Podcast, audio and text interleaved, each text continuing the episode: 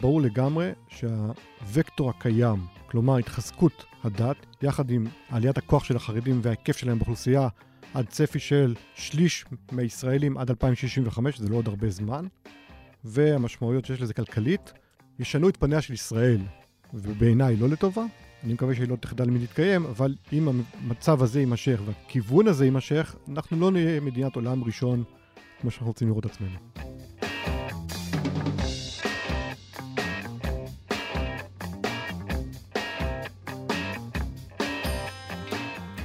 ברוכים הבאים למרקרים, פודקאסט סוף השבוע של דה מרקר. ההזדמנות שלכם לקחת פסק זמן ממחזור החדשות היומיומי ולצלול איתנו לאירועים, לאנשים ובעיקר לרעיונות מאחורי החדשות. כאן באולפן איתכם כמדי שבוע גיא רולניק והמראיינת האורחת המפתיעה שלי, ענת ג'ורג'י. שמענו בפתיח את דוקטור שוקי פרידמן, סגן נשיא המכון למדיניות העם היהודי ומרצה למשפטים במרכז האקדמי פרס. ג'ורג'ינה, שבת אלינו שוב, ספרי מה קורה, המון זמן לא היית כאן. לא נכון, הייתי לפני, מתי? לפני חודש. זה נראה לי שנים, שנים זה נראה לי. אבל אתה כמובן סוטה מהפתיח שביקשתי ממך. אני ביקשתי ממך לשאול אותי מה שלומי. רגע, לאט לאט. ואז אני הייתי אומרת לך בעזרת השם, ואז אתה היית שואל אותי למה בעזרת השם, אז הייתי אומרת לך שזה רוח השעה, אבל אתה לא ממושמע, גיא, אז הפתיח יצא הפוך. בסדר, אז בעזרת השם, היום כן. יהיה לנו פודקאסט בנושא השם, נכון. תכף נגיע לזה, נכון, את uh, צודק, אני פשוט כל כך מתרגש לראות אותך. אז ג'ורג'ינה, כן, היית כן. שבועיים בלונדון, ספרי מה קרה. הייתי? שבוע בלונדון, שבוע גיא. שבוע בלונדון, אוקיי. ראית את המונדיאל? בוא נתחיל ככה. ראיתי מעט, אבל כמובן את הגמר המדהים ראיתי. אז ראית את האצטדיון שהיה שם? הקטרי, כן. הקטרי. אז אפרופו האצטדיון הקטרי, אני בעצם נסעתי ללונדון, למקום שבו היה הפארק האולימפי ב-2012.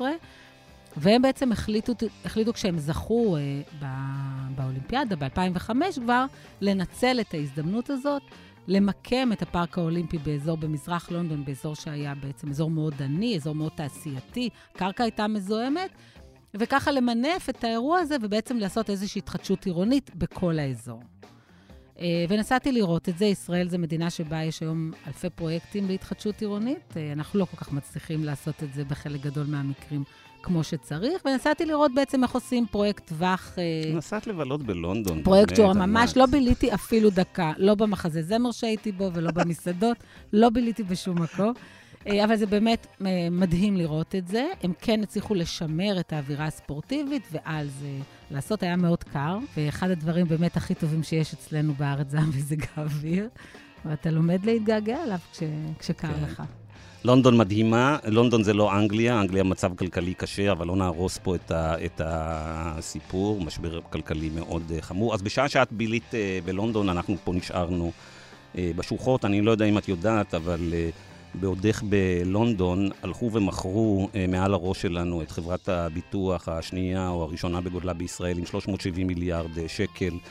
לאבו. דאבי, אז אנחנו כאן בשוחות מנסים להילחם ולעצור את העסקה הזאת, אבל האם זה המאבק שלנו אה, נושא פרי, אנחנו נדע רק אה, כאשר תקום הממשלה החדשה. עדיין לא ברור מה העמדה של נתניהו, אם נתניהו מנסה לדחוף את העסקה הזאת או לא מנסה לדחוף את העסקה הזאת, אבל לצערנו, נראה לי שבימים, בשבועות, בחודשים ואולי בשנים הקרובות, הדיון על יוקר המחיה, על הפנסיה שלנו, על הבריאות שלנו, כל הנושאים האלה עשויים להידחק לפעמים לשוליים, בגלל שיש סיפור אחד פתאום שנראה גדול ומפחיד יותר מהכל. ושבוע שעבר אה, ענת uh, התקשרה אליי ואמרה לי, uh, אתה רוצה שאני אבוא לפודקאסט? לא, אתה הצעת לי לבוא לפודקאסט, אז אמרתי לך ש... אתה רוצה, לפודק... אתה רוצה שאני אבוא לפודקאסט, אז אנחנו צריכים לדבר על הנושא הזה, ומה אמרתי לך? מה שאת רוצה. מה שאת רוצה, ג'ורג'ינה. והנה אנחנו, אז בואי תציגי את הנושא שלנו היום. אז אני רוצה להגיד לך שמה ש... אחד הדברים שהדהימו אותי, אה, היה שבמהלך מערכת הבחירות אה, דיברו נתניהו ומפלגות הימין על הביטחון, על משילות, על יוקר המחיה אפילו, על איראן. אה, ושנייה לאחר שהגוש, גוש הימין זכה ב-64 מנדטים, בום, טראח, כמעט כל השיח עבר להיות יהדות, חרדים, תקצבים לחרדים. תנסה לחשוב מי מדבר היום אה, על איראן או על יוקר המחיה, אה, ונראה, ככה זה מרגיש, שלמפלגות החרדיות, אה, בגיבוי מוחלט של הליכוד, יש מטרה אחת בלעדית, כסף, עוד קצת כסף לבוחרים שלהם וגם שליטה. כן, אז הנושא שלנו היום הוא דת ומדינה, ומה זה אומר שמדינת ישראל היא יהודית ודמוקרטית, ומה מתרחש לנגד עינינו בשבועות האחרונים, מאז שנתניהו השיג רוב כל כך אה, גדול, ונראה שהכוח שיהיה למפלגות החרדיות בממשלה הקרובה הוא הגדול ביותר שהיה לנו אה, בהיסטוריה, ומעבר לכך נראה שהתיאבון והכוחנות של המפלגות האלה היום נראים ברמה שלא ראינו אה, אי פעם. ואם אנחנו ממשיכים בתוואי הזה, אז התחזית אה, שלי מאוד מטרידה למאזינים שכן מתעניינים ביוקר המחיה, איכות החיים ורמת החיים בישראל, אז יש לי חדשות מאוד אה, רעות. אם אנחנו נכנסים פה לעידן של מלחמות בין בעצם בין שני חלקים בעם, אלה שרוצים לראות פה משהו הרבה יותר, מדינה הרבה יותר אה, דתית, אה, חרדית, מסורתית, לאומנית, ואלה שמפחדים מזה פחד מוות, אז בעצם זה הולך לינוק, אה, להוציא את כל האוויר מהחדר, ואז בעצם פוליטיקאים בכלל לא יצטרכו לשרת אותנו בשאר התחומים. וזו חדשה מאוד uh, רעה. וחוץ מזה, מעבר לעניינים התקציביים, מה שאנחנו רואים בשבועות האחרונים בדרישות של המפלגות ה... אה, זה לא רק המיליארדים שעולה, שהם רוצים לקבל למערכת החינוך שלהם, בעצם זה הרבה הרבה יותר מפחיד מזה. זה לא רק הכסף, זה לא רק העלויות הכלכליות של זה, אלא זה הדמות של המדינה הזאת, ובעיקר האם נגדל פה דור של עשרות אלפים, מאות אלפים, ויום אחד בעתיד המאוד רחוק, אולי אפילו יותר, אנשים שפשוט לא ערוכים להיות שחקנים ב... ולתרום את חלקם ב... בכלכלה ובחברה הישראלית. אז תציגי בבקשה את האורחים שלנו אז, היום. אז כדי באמת לדבר על היחסים העדינים האלה והנפיצים בין דת ומדינה, ולבדוק אם אנחנו אולי בפתחה של איזושהי מלחמת דת, הזמנו לאולפן שניים, את פרופסור אה, גילה שטופלר, דיקנית הפקולטה למשפטים ופרופסור חברה במרכז האקדמי למשפט ולעסקים. אה, היא כיהנה גם אה, כיושב ראש של ההנהלה של האגודה לזכויות האזרח. האורח השני הוא דוקטור אה, שוקי פרידמן, הוא חבר סגל בפקולטה למשפטים במרכז האקדמי פרס. אה, הוא שימש כמזכיר אה, ועדת לוקר לבחינת תקציב הביטחון, יושב ראש ועדת הסנקציות נגד איראן בישראל וראש תחום משפט בינלאומי במשרד ראש הממשלה. וחוץ מזה הוא סגן נשיא המכון למדיניות העם היהודי. אז מיד מתחילים.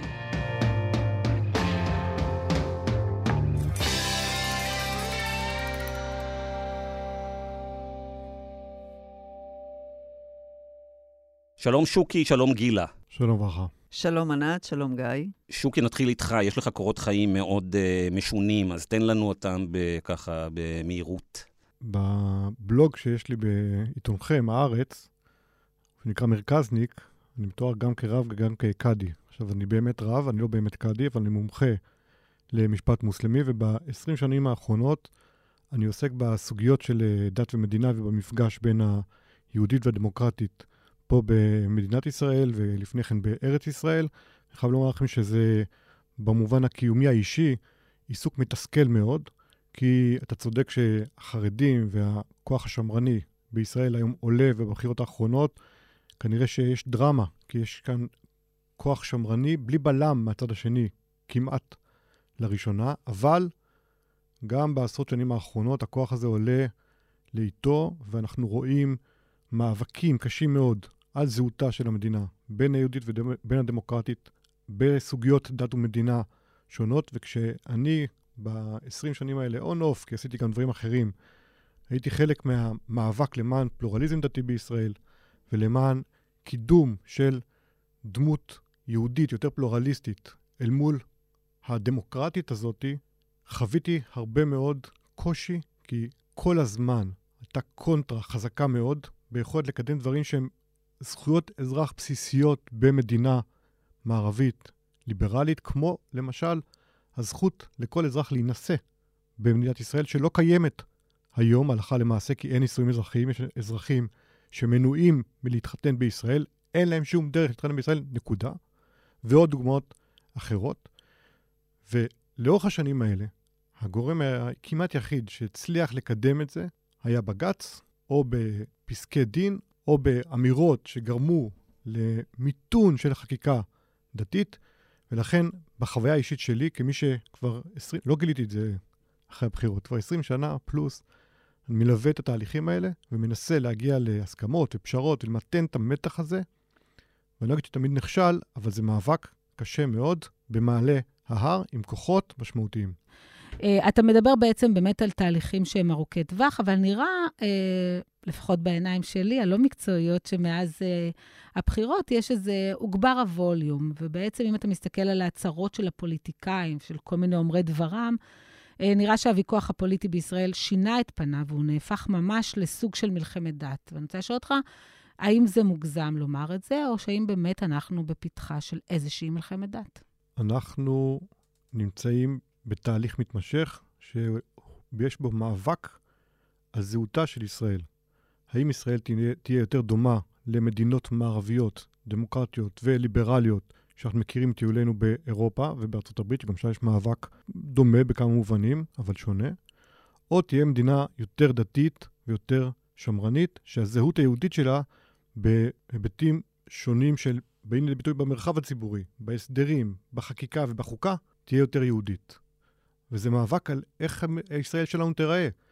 איפה, של, איפה של, התנהל המאבק הזה? שנות ה-50, בפרספקטיבה של שנות ה-50, קמה כמדינה חילונית. הוגי המדינה, מקימי המדינה, ראו את, את ישראל כמדינה חילונית, שיש לה זהות יהודית, בעיקר לאומית.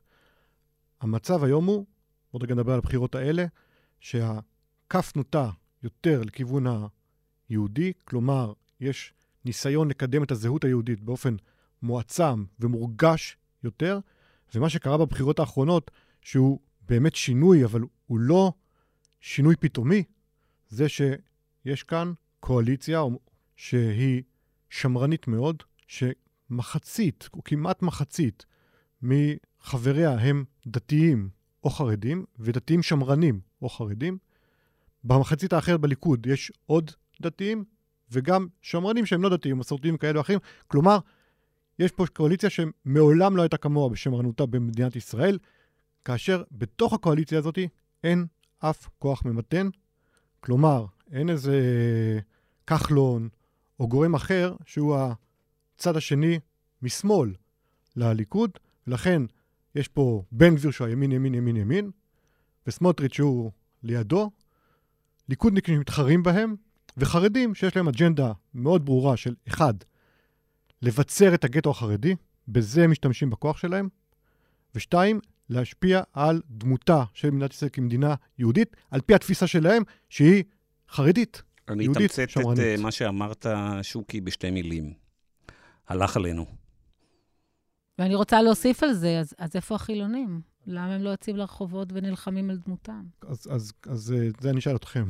אבל, אה, אבל ב, לגבי ההלך עלינו, תראו, בשבוע שעבר הייתי בכנס uh, Z3, Zionism 3 בפאלו אלטו, מול היהודים, גם ישראלים וגם אמריקאים, הכי פרוגרסיביים שיש. אלה שעומדים בקצה השמאלי ועוד רגע הם כבר, אין, אין, אין יותר משמאלם. בוא, בוא לא נפרה, פלו אלטו, הם נמצאים כולם אה. בעשירון ובמאיון העליון, הם פרוגרסיביים עד שאתה אומר להעלות להם את המס. זה, זה נכון, זה נכון okay. אוקיי. במובן כן. של הליברליזם, לא במובן הכלכלי. כן. בסדר? לא שמאל כלכלי. כן. נכון. אבל האנשים האלה מסתכלים עלינו בזעזוע, בפחד ובתדהמה, וחלקם אומרים, טוב, אנחנו אולי פשוט נתנתק מכם, כי מה יש לנו לעשות עם, עם ישראל כזאתי? זה לא ישראל שאנחנו רוצים להזדהות איתה. והתשובה שלי לנו ולהם היא, הציונות של המאה ה-21 זה מאבק על דמותה של המדינה. כשבאו לפה וייבשו ביצות בעמק החולה, וייבשו, אה, אה, כבשו שטחים בנגב, גם אז זה היה נראה כאילו פנטזיה להקים מדינה. אז גם היום, לראות איך מדינת ישראל תהיה יותר ליברלית דמוקרטית בווקטורים שאנחנו נמצאים בהם ונאבקים בהם, לא קל. אבל אין לנו פריבילגיה אחרת. הילדים שלי יגדלו פה, וגדלים פה, הנכדים שלי יגדלו פה, אני מקווה שגם שלכם. ולכן אנחנו כאן כדי להיאבק. אולי הילדים שלך יחליטו שהם לא רוצים, אני לא מכיר את הסיפור של הילדים שלך, אבל אולי הם יחליטו שאם הם מאמינים לתחזיות של אבא, שצריך uh, למצוא uh, מקום אחר. צריך, צריך לקום בבוקר ולשאול את עצמנו, מי כן.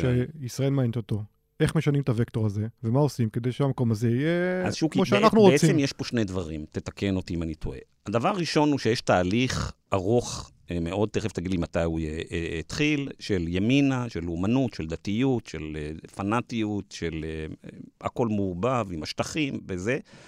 זה תהליך אחד. והתהליך השני זה החסמים שהיו.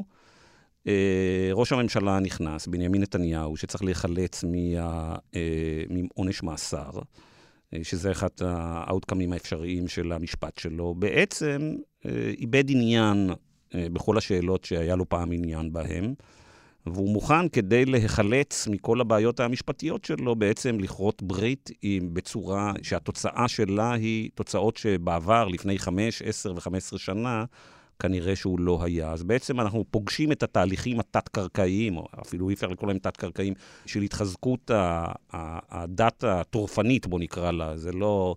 זאת שרוצה גם אה, אה, לכבוש יותר ויותר, עם ראש ממשלה שהוא היום חסר גבולות בגלל האירועים של החמש שנים האחרונות. לגבי התהליכים, ברור לגמרי, חד משמעית במספרים, בנתונים לאורך השנים, שיש פה שינוי שהוא שינוי מתמשך, לא אקראי. זה לא הקונסטלציה של מרץ הייתה עם העבודה או לא הייתה עם העבודה. לאורך השנים הגרף מאוד ברור, הימין בישראל מתחזק. מ-94 באופן מתמשך, כמעט קבוע, הימין עולה.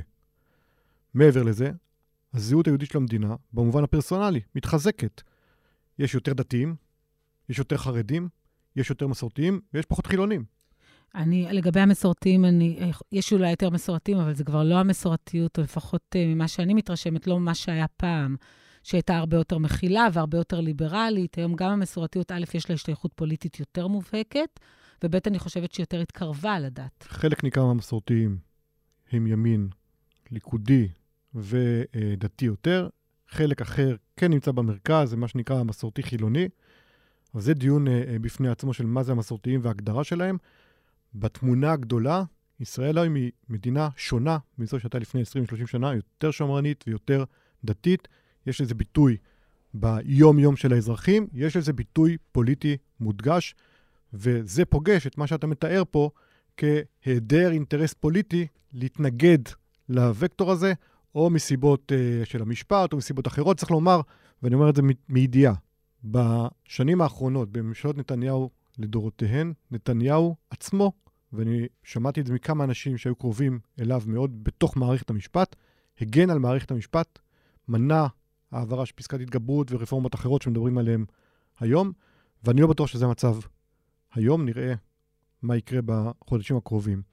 אבל ברור לגמרי שיש לחץ גם בתוך הליכוד וגם ממפלגות הימין, לשנות באופן משמעותי את המבנה החוקתי של ישראל, והשינוי הזה הוא קריטי כדי לאפשר את כל הדברים האחרים. כלומר, אנחנו מדברים על התחזקות הדת וחקיקה של חוקים שפוגעים בשוויון ופוגעים בזכויות של פרטים שונים, זה יכול להיות להט"בים, זה יכול להיות נשים וכן הלאה, שמצד שני, בג"ץ, שהוא היה מגן של אותן קבוצות ויצר את הזכויות בהרבה מקרים, לא יהיה שם להגן עליהם, כי תהיה פסקת התגברות. במילים אחרות, שוקי, כדי לסכם, התחזקות הדת מאיימת על קיומה של מדינת ישראל. אני אה, משתדל להיות בומבסטי, אבל ברור לגמרי שהווקטור הקיים, כלומר התחזקות הדת, יחד עם סוגיה שקשורה ולא קשורה לזה, וזה עליית הכוח של החרדים וההיקף שלהם באוכלוסייה, עד צפי של שליש מהישראלים עד 2065, זה לא עוד הרבה זמן, והמשמעויות שיש לזה כלכלית, ישנו את פניה של ישראל, ובעיניי לא לטובה. אני מקווה שהיא לא תחדל מלהתקיים, אבל אם המצב הזה יימשך והכיוון הזה יימשך, אנחנו לא נהיה מדינת עולם ראשון כמו שאנחנו רוצים לראות עצמנו. גילה, איך האירועים האלה ששוקי תיאר פה ברבע שעה האחרונה משתלבים במה שקורה בעולם? אז בנושאים בכלל של עליית הלאומנות והפופוליזם, ישראל היא חלק מסיפור עולמי, ביבי וטראמפ, ו... ביותר קיצוניים, האורבנים למיניהם, אנחנו מכירים את הסיפור. אבל בתחום של עליית כוחה של הדת והדתיים ב- לשלטון, זה בעצם סיפור יותר ייחודי לישראל. אנחנו לא רואים הרבה דברים כאלה בשנים האחרונות בעולם. אה, דווקא אני לא חושבת שזה סיפור שהוא ייחודי לישראל. מה שייחודי לישראל זה נקודת ההתחלה. זאת אומרת, אה, אם, אם אנחנו מתנגדים לעליית הדת, נקודת ההתחלה שלנו להתנגדות הזאת היא יותר גרועה מאשר אה, במקומות אחרים. אז אה, אם, אם אתה שואל אותי להשוות עם מקומות אחרים, אז הבעיה היא נקודת ההתחלה. אם אתה רוצה שנפרט קצת על נקודת ההתחלה, אז פשוט מה שקורה הוא שישראל מעולם בעצם לא הייתה מדינה ליברלית. זאת אומרת, מלכתחילה, כבר בקום המדינה, למעשה עשו איזה שהם אה, בהיבטים חוקיים מאוד חשובים, הכניסו או מיסדו את הדת במדינה, כמו למשל בכל הנושא של אה, נישואים וגירושין. לאורך השנים, ככל שישראל נעשתה, לפחות ב...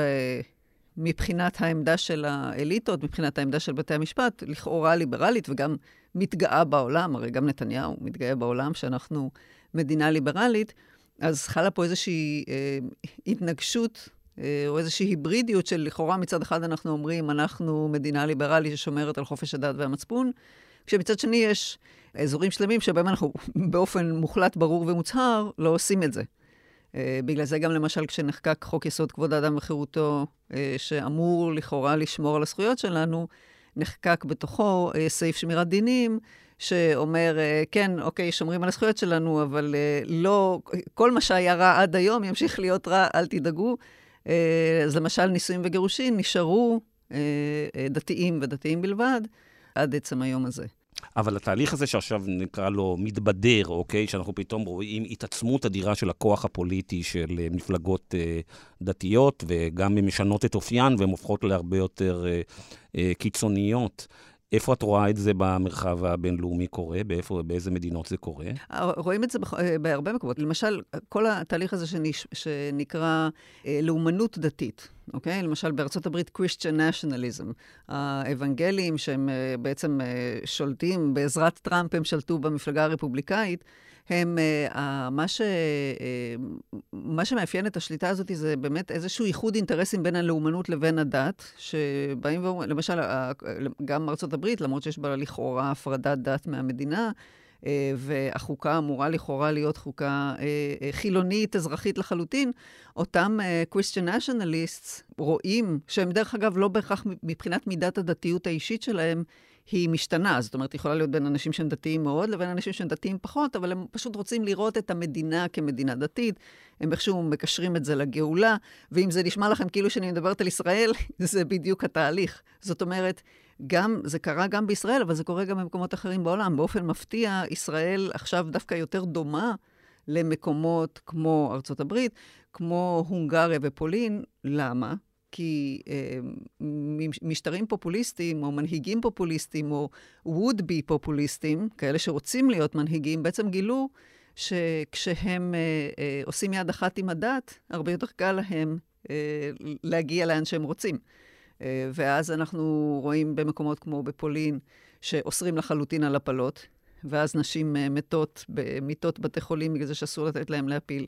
והפתעה, אנחנו רואים את אותו דבר בדיוק במדינות בארצות הברית, בטקסס ובמדינות אחרות. זאת אומרת, אנחנו רואים בפירוש, אנחנו רואים בהונגריה וגם בפולין מקומות שאמורים להיות חופשיים מלהט"בים, ואיסור חמור, למשל בהונגריה הוציאו מחוץ לחוק את לימודי המגדר, כדי שחס וחלילה לא יבלבלו את uh, ראשם של, uh, של האוכלוסיות עם האפשרות של uh, הורה אחד, הורה שתיים. כמו נועם בטכניון. זאת אומרת, אנחנו בפירוש רואים פה uh, תהליכים אני, עולמיים. אני, אני רוצה לחזור איתך רגע לישראל. את באמת דיברת על איזה שהם תהליכים קדמוניים, וישראל מוגדרת בחוק מדינה יהודית ודמוקרטית. אבל למעשה ההגדרה הזאת, מעולם לא אה, פירקו אותה. זאת אומרת, לא ממש הגדירו אותה, רק אמרו. נכון. ויכול להיות שפה גם יש איזושהי בעיה, שככל שהמפלגות החרדיות מתחזקות, ככה הם יכולים לשחק עם ההגדרה הזאת. אה, אה, לפי איך שהם רוצים. זאת אומרת, אין שום בלמים בעניין נכון, הזה. נכון, ברור. השאלה היא באמת שאלה של נקודת מוצא. נקודת המוצא בישראל אף פעם לא הייתה נקודת מוצא ליברלית טהורה. זאת אומרת, אף פעם לא באו, ב... המדינה בישראל לא הייתה דמוקרטיה ליברלית שבאה ואומרת, אה, אצלנו האזרח הוא מעל הכל. האזרח היחיד, אנחנו, יש לנו אה, דברים מסוימים ש, אה, שאנחנו רוצים לקדם, אבל אנחנו לא נקדם אותם על חשבון זכויות האדם. זה מעולם לא נאמר. תמיד, מלכתחילה, מ-day one, מה שנקרא, זה היו אינטרסים אחרים שהיו יותר חשובים. אינטרסים ביטחוניים, אינטרסים אה, אה, לאומניים, אינטרסים דתיים. בסדר, היה פה איזה נרטיב מאוד גדול, שאנשים הגיעו מהשואה, מאירופה וזה, וצריך לעשות להם מדינה, והכלל יותר חשוב. אז, אז אני, למשל, במחקרים שלי קוראת לישראל מדינה סמי-ליברלית. זאת אומרת, מדינה שבאזורים מסוימים אומרת, כן, פה מתאים לי להיות ליברלית, אבל באזורים אחרים לא מתאים לי להיות ליברלית. היברידי, מה שנוח. נכון, היברידי. עכשיו, לתוך המצב הזה נכנסות המפלגות החרדיות ואומרות, אה, הנה, יופי. אז אה, אם, אם אנחנו, נגיד, רק סמי-ליברליים, אוקיי, לפי ההגדרה שלי, זו לא הגדרה שמשתמשות בה, אז בואו נגדיל את, ה, את התחום שבו אנחנו לא ליברליים. בואו נגדיל את התחום שבו אנחנו אה, כופים על אנשים. כי הרי כבר איפשהו... תראו, המערכת שלנו באופן מאוד מאוד בעייתי נתנה לגיטימציה, למשל, לרבנים להגיד דברים איומים ונוראים, לרבנים אורתודוקסים שמקבלים, שהם אה, חלק מהממסד המדינתי, והם מקבלים ממנו אה, אה, תשלומים וכסף וכולי, מקבלים מאיתנו, ואמרו דברים איומים ונוראים על, על עולים, על נשים, על בית המשפט העליון. והכל לכאורה במסגרת החופש שאנחנו נותנים לדת. אז יש מצב פרדוקסלי בישראל, שבגלל המיסוד של הדת מצד אחד, ולכאורה איזושהי תפיסה ליברלית, אה, חצי ליברלית מצד שני, אז התפיסה הליברלית, זאת אומרת, התפיסה הזאת של חופש הדת, לכאורה, משמשת רק בשביל להצדיק את זה שנותנים לרבנים לעשות מה שהם רוצים, כי חס וחלילה, מה פתאום שאנחנו אה, אה, למשל בית המשפט העליון, מה פתאום שאנחנו בית המשפט העליון נתערב ב, אה, בעמדתם של רבנים. אני יכולה, דרך אגב, יש לי פה ציטוט, אני יכולה להקריא לכם ציטוט של, שהוא שוב מ, מ, מאוד מאוד ישן, מאוד מהשופט חיים כהן, שהיה שופט מאוד חילוני, ליברלי ו, וכולי. מה הוא אומר? אני מצטטת. אין בית המשפט הגבוה לצדק מהרהר אחר בתי הדין הרבניים לעניין דין התורה, כל אשר פוסקים הם, הרי הוא הדין הדתי שלהם, ואין לו לבית משפט אזרחי להרהר אחר מידותיהם לעניין מהותו וטיבו של דין דתי זה. עכשיו, אם זה לא מספיק ברור, הוא אפילו מפנה בהסכמה לדברי חכמים, ושוב אני מצטטת, וכבר מצו, מצווים אנו ועומדים מקדמת דנא, שהדיינים אשר יהיו בימים ההם, אפילו מרין בעיניך על ימין שהוא שמאל ועל שמאל שהוא ימין, שמע להם. שבהקשר הזה בעצם הדיינים הם דייני בתי הדין הרבניים, ומי שמצווה זה בתי הדין האזרחיים, בתי המשפט האזרחיים, כולל בג"ץ עצמו. ההתבטלות הזאת של הבג"ץ האזרחי בפני אה, אה, שיקול הדעת של הסמכות של בתי הדין הדתיים, זו בדיוק ההתבטלות שהחרדים מנצלים היום כדי לבוא ולומר, לנו יש את הסמכות, בחרו בנו, אוקיי? הרוב קבע, לא ברור לי בדיוק איזה רוב, כי שום רוב לא הצביע למפלגות החרדיות, אבל הנה, בחרו בנו, עכשיו יש לנו סמכות של המדינה, והסמכות הזאת, המשמעות שלה, היא שמותר לנו לעשות מה שאנחנו רוצים, ואתם, בתור ליברלים, אסור לכם לבוא ולהגיד לנו איך לפרש לא, את הדת. זה יותר מזה, זה, כשהדת הופכת להיות מעורבבת עם הפוליטיקה, אז אם אתה לא רוצה להיות חלק מהדת, אז אתה גם איפשהו מודר מהפוליטיקה. זאת אומרת, לא אכפת לך מהמדינה, אתה לא שייך. השיח הזה מתחיל להיות להתערבב, ואני רוצה באמת להפנות את זה אליך. באחד המאמרים שלך אתה כתבת, כל עוד מתווכע, מתקיים אה, ויכוח פוליטי, יש לו איזשהו חיבור למציאות. כן שטחים, לא שטחים, כן. ברגע שזה עולה לרמה של מאבק דתי, זה כבר סרט אחר לגמרי. אז בעצם אני רוצה לשאול אותך שוב, בהינתן באמת שאנחנו הולכים לשם, תוגבר ההדתה או האכיפה הדתית, מתישהו תהיה איזושהי תגובת נגד. אני חושבת שהיא כן קיימת במידה כזאת או אחרת גם היום. מה יקרה אז? מה יקרה שהמאבק יהפוך להיות מאבק דתי? קודם כל, המאבק כבר מאבק דתי. זאת אומרת, יש גורמים בתוך הקואליציה שהכתובת של ה-go-to שלהם בדילמות פוליטיות ודילמות ערכיות זה רבנים. הרבנים האלה שואבים את מימיהם מתוך ההלכה ומתוך התורה, ואותם חברי כנסת אומרים, הרבנים מעלינו, אלוהים מעל הרבנים, והפרשנות של הרבנים שלנו את התורה זו הפרשנות שקובעת עבורנו, ולכן היא קובעת עבור אזרחי מדינת ישראל. זה נכון. נכון, אבל היום יש להם הרבה יותר כוח. לגבי שורה של, שורה של סוגיות והיבטים, ולכן באמת, כבר היום אנחנו מונהגים, במרכאות או לא במרכאות, על ידי אותם רבנים, שלנציגים שלהם יש את היד על השלטר של להפיל את הקואליציה. אני כבר שנים מתפלל שהתמונת מציאות הזאת תיקלט, תיראה על ידי הרוב החילוני, הליברלי, המסורתי-ליברלי, המסורתי עוד יותר, והדתי-ליברלי, שאלה כרגע רוב אזרחי מדינת ישראל, והם יגידו לעצמם, מאחזים את עינינו. המאבק פה הוא לא מאבק על יוקר המחיה, או גם על יוקר המחיה, זה דבר חשוב, או על כל מיני נושאים אחרים, אלא על איך תיראה מדינת ישראל, איך תיראה הפרהסיה, והאם, ראיתי השבוע שבירושלים, בחנויות, כבר יש שעות לגברים ושעות לנשים. לא שעות לגברים ושעות לנשים, שנשים לא יכולות אחרי השעה 11 וחצי ביום שישי לעשות קניות.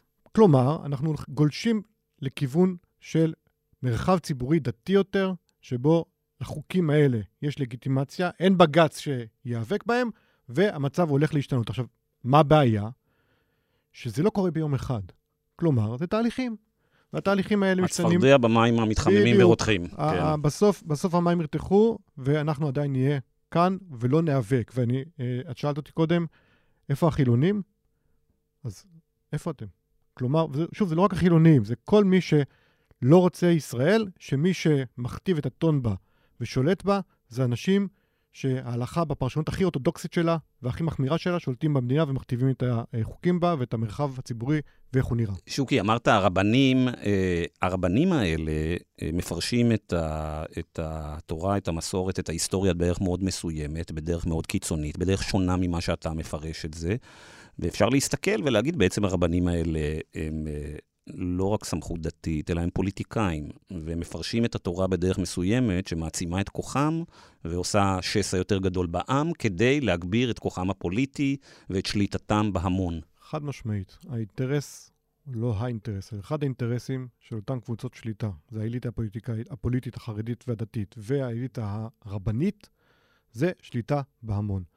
כל עוד אתה משאיר את ההמון נבער, לא מסוגל להתפרנס, לא מסוגל לקנות השכלה גבוהה, לא נוגע בטלפון נייד סלולרי, אה, אה, סמארטפון, כן? כי יש שם מידע שיכול לקלקל אותו וכן הלאה. כל עוד אתה מגביה את החומות סביב הגטו שלך, אתה מונע מהמון ידע, ואתה... משתמשים בדת בשביל לצבור כוח פוליטי. משתמש בו כדי כן. לשלוט על ההמון. אז זה מוביל, גילה, הזכרת את ארצות הברית, אוקיי? ואמרת שבארצות הברית אנחנו רואים את האוונגליסטים. בארצות הברית יש uh, מפגש אינטרסים מעניין בין האוונגליסטים, בין הימנים, לבין האליטה הכלכלית, העשירים ביותר, שמצביעים לרפובליקנים uh, שנים. ואחת הדרכים אה, לראות את התהליכים שקרו בארצות הברית אה, לאורך הרבה מאוד שנים, זה שבעצם הימין, הימין שרצה מיסים נמוכים, פירוק מדינת הרווחה וכל הדברים האלה, כרת ברית. עם האוונגליסטים ועם, הד... ועם הדתיים, וזאת הדרך היחידה הייתה לשכנע את העשירונים הנמוכים ביותר בארצות הברית לתמוך במדיניות כלכלית שפוגעת בהם. זה דבר כזה, יש, את רואה אותו גם בעצם קורה בישראל. יכול להיות שבעצם גם האליטה הכלכלית כאן תגיד לעצמה, רגע, בואו נרתום את העניין הזה כדי אה, לשרת את האינטרסים שלנו. תראה, אני, יש, אני חושבת, אליטה כלכלית שכבר עושה את זה. אני לא בטוחה שכולם, זאת אומרת, גם בארצות הברית האליטה הכלכלית היא בסך הכל מפוצלת. זאת אומרת, גם הדמוקרטים, הרי ב-2016, אה, אחת הסיבות שטראמפ ניצח הייתה בגלל זה שאמרו, הנה, תראו את הדמוקרטים העשירים האלה, שכל מה שאכפת להם זה עצמם, וזה בעצם טראמפ. הרי יש אמת בכל אחד מהנרטיבים האלה. זה לא כאילו שאליטה היא לצד אחד או לצד אה, שני, אלא היא גם וגם.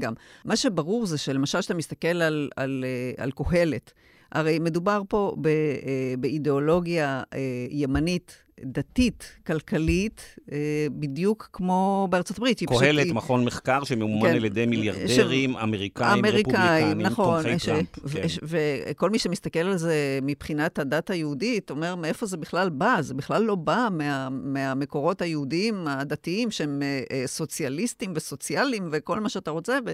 אה, והם באמת מקדמים את ה... עכשיו גם, אנחנו נראה מה סמוטריץ' יעשה בתור, אה, בתור אה, שר אוצר, אבל אני לא יודעת מה זה בדיוק אומר מבחינתו, בחוקותיו הזה שהוא, שהוא מנפנף, אבל, אבל אין ספק שזאת אידיאולוגיה שהיא ליברטריאנית. עכשיו, הטוויסט ב, בישראל הוא שהיא ליברטריאנית כלפינו, משלמי המיסים החילוניים, אבל היא לחלוטין מדינת רווחה כלפי, כלפי החרדים, כלפי השטחים.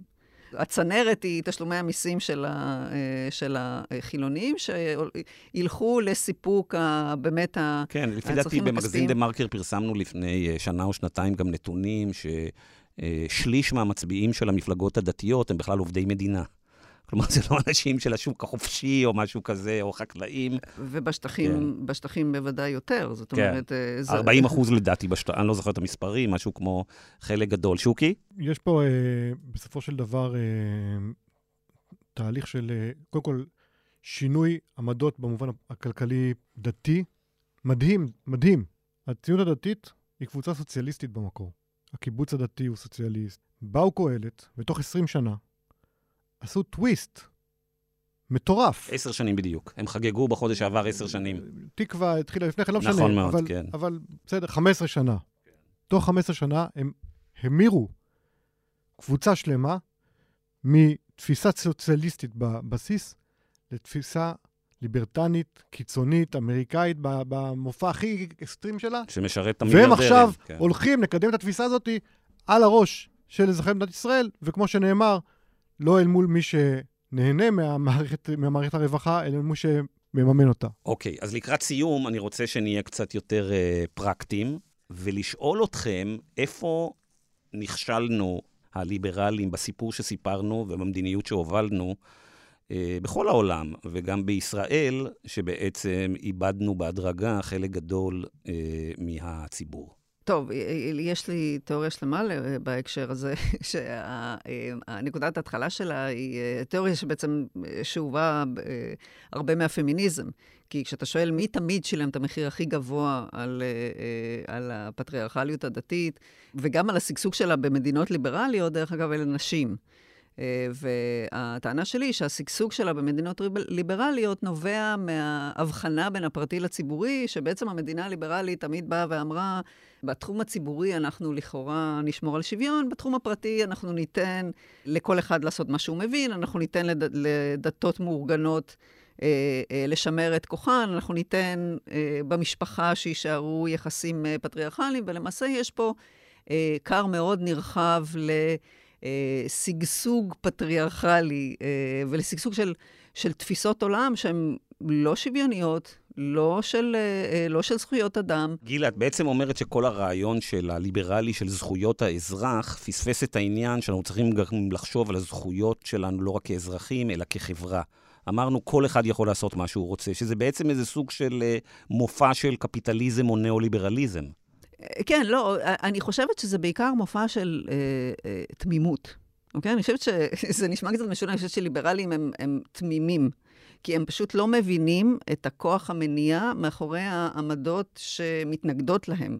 זאת אומרת, התפיסה הליברלית אומרת, אנחנו כולנו נגיע לאיזשהו אה, אה, אה, מכנה משותף, אה, כולנו מסכימים לש, בשוויון, לזכויות אדם אה, בתחום הציבורי, ו- וניתן כולם לעשות מה שהם רוצים בתחום הפרטי, וככה אנחנו נגיע לאיזשהו אה, אה, אה, איזון, אקוויליבריום.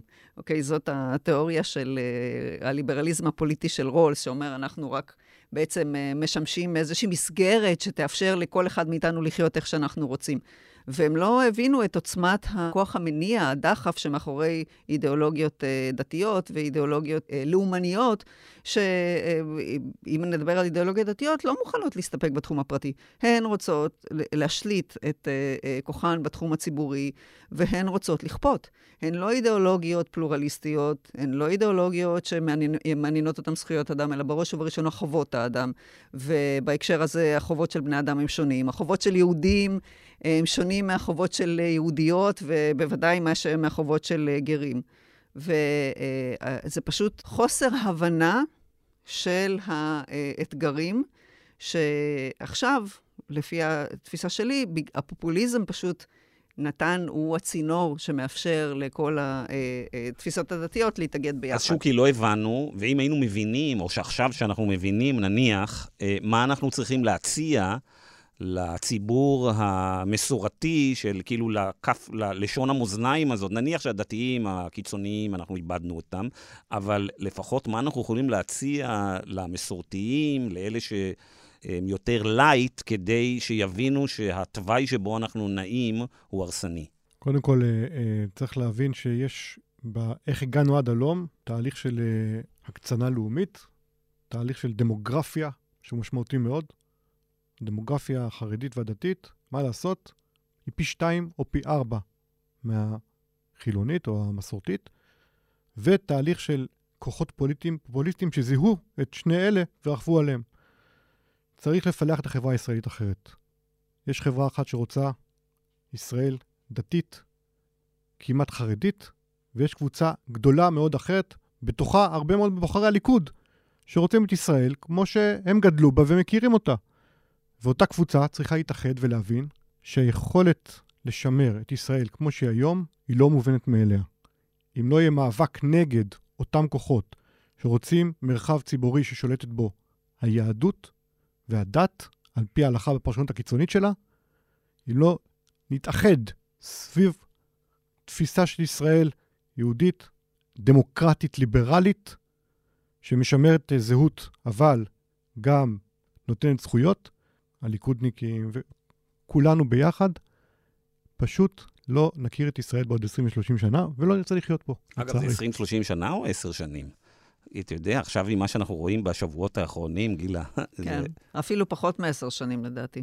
כן. שוב, אה, אה, קשה ללמוד לצפות את העתיד, אבל הוקטורים יבשילו באופן משמעותי מאוד בעוד 10, 15, 20 שנה. האם זה יקרה לפני כן? יכול להיות. האם יהיה פושבק חזק בבחירות הבאות? גם יכול להיות. אני מקווה שיהיה, זה תלוי בנו. אבל מה שחשוב זה, ובזה אולי אפשר אה, לעשות איזו סגירה לעניין הזה, צריך לפקוח את העיניים מול המציאות. אם יושבים בבתי קפה בתל אביב ומעבירים את הזמן בהסתכלות על ארבע אמות תל אביביות, בלי להסתכל על איך נראית המדינה ולאן היא הולכת, ובלי לנסות לקום ולהיאבק על זה, שום דבר לא ישתנה. אם לא מגייסים את כל הכוחות כדי לא. לא, שוקי, אנחנו יושבים בבתי קפה אנחנו, ומדברים על החרדים כל הזמן. אנחנו, אנחנו, אה, אבל השאלה מה עושים, כן. מה עושים עם זה. אז מי שבבניין הזה כותב ונאבק, אבל צריך להנחיל את הרעיון הזה, ובסופו של דבר יש פה רוב עדיין כן, משמעותי. כן, אבל אנחנו משכנעים את המשוכנעים. יש פה, רוב, משמע... יש פה רוב משמעותי כן. שיכול לקום על רגליו האחוריות ולהיאבק בתהליכים האלה, ולנצח את המאבק הזה בדרכים שונות, וזאת מלחמת קיום. זאת הציונות של המאה ה-21. ענת? אה, אני רוצה לקחת באמת את העניין הזה של המסורתיות, דיברנו על זה אה, גם בדרך לפה. אה, זאת הייתה דרך אמצע, לפחות המסורתיות שאני הכרתי, שבה אנשים יכלו ללכת לבית כנסת בבוקר, לקחת משם את האוטו ולקפוץ לים, והכול היה בסדר. כל אחד בחר איזו עוצמה של דת הוא רוצה שתהיה בחייו. אני חושבת שהמסורתיות היא, היא עמדה גאונית שמאפשרת גם וגם, ויש בה המון מתינות, ואני חושבת שבאמת בחברה שהולכת ומקצינה אולי יש בה מקום.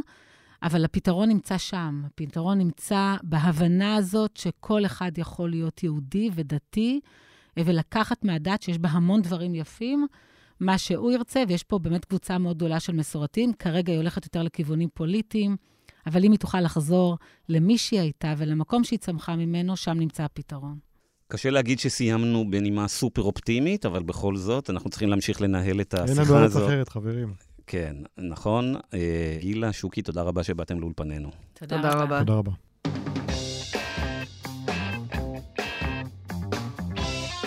עד כאן המרקרים להשבוע, לא אחד הפרקים האופטימיים שלנו, אבל uh, הנושא הוא חשוב ובוער, ומן הסתם uh, נחזור אליו שוב ושוב בשבועות ובחודשים הקרובים, בעיקר לאחר שתקום הממשלה ונראה את ההסכמים הקואליציוניים הסופיים. אה, אם אהבתם את הפודקאסט, אל תשכחו לשתף אותו עם חבריכם המסורתיים, הדתיים המסורתיים, שיפיצו את זה בבתי הכנסת. יש פה חילונים מסורתיים. חילונים מסורתיים. והירשמו כמובן בחנויות הפודקאסטים של אפל, ספוטיפיי וגוגל. תודה רבה לאורחים שלנו השבוע, תודה רבה למפיק אמיר פקטור, לדן ברומר העורך האגדי, ותודה לך, ענת, ואני מקווה שתשובי אלינו בקרוב. תודה, גיא. להתראות.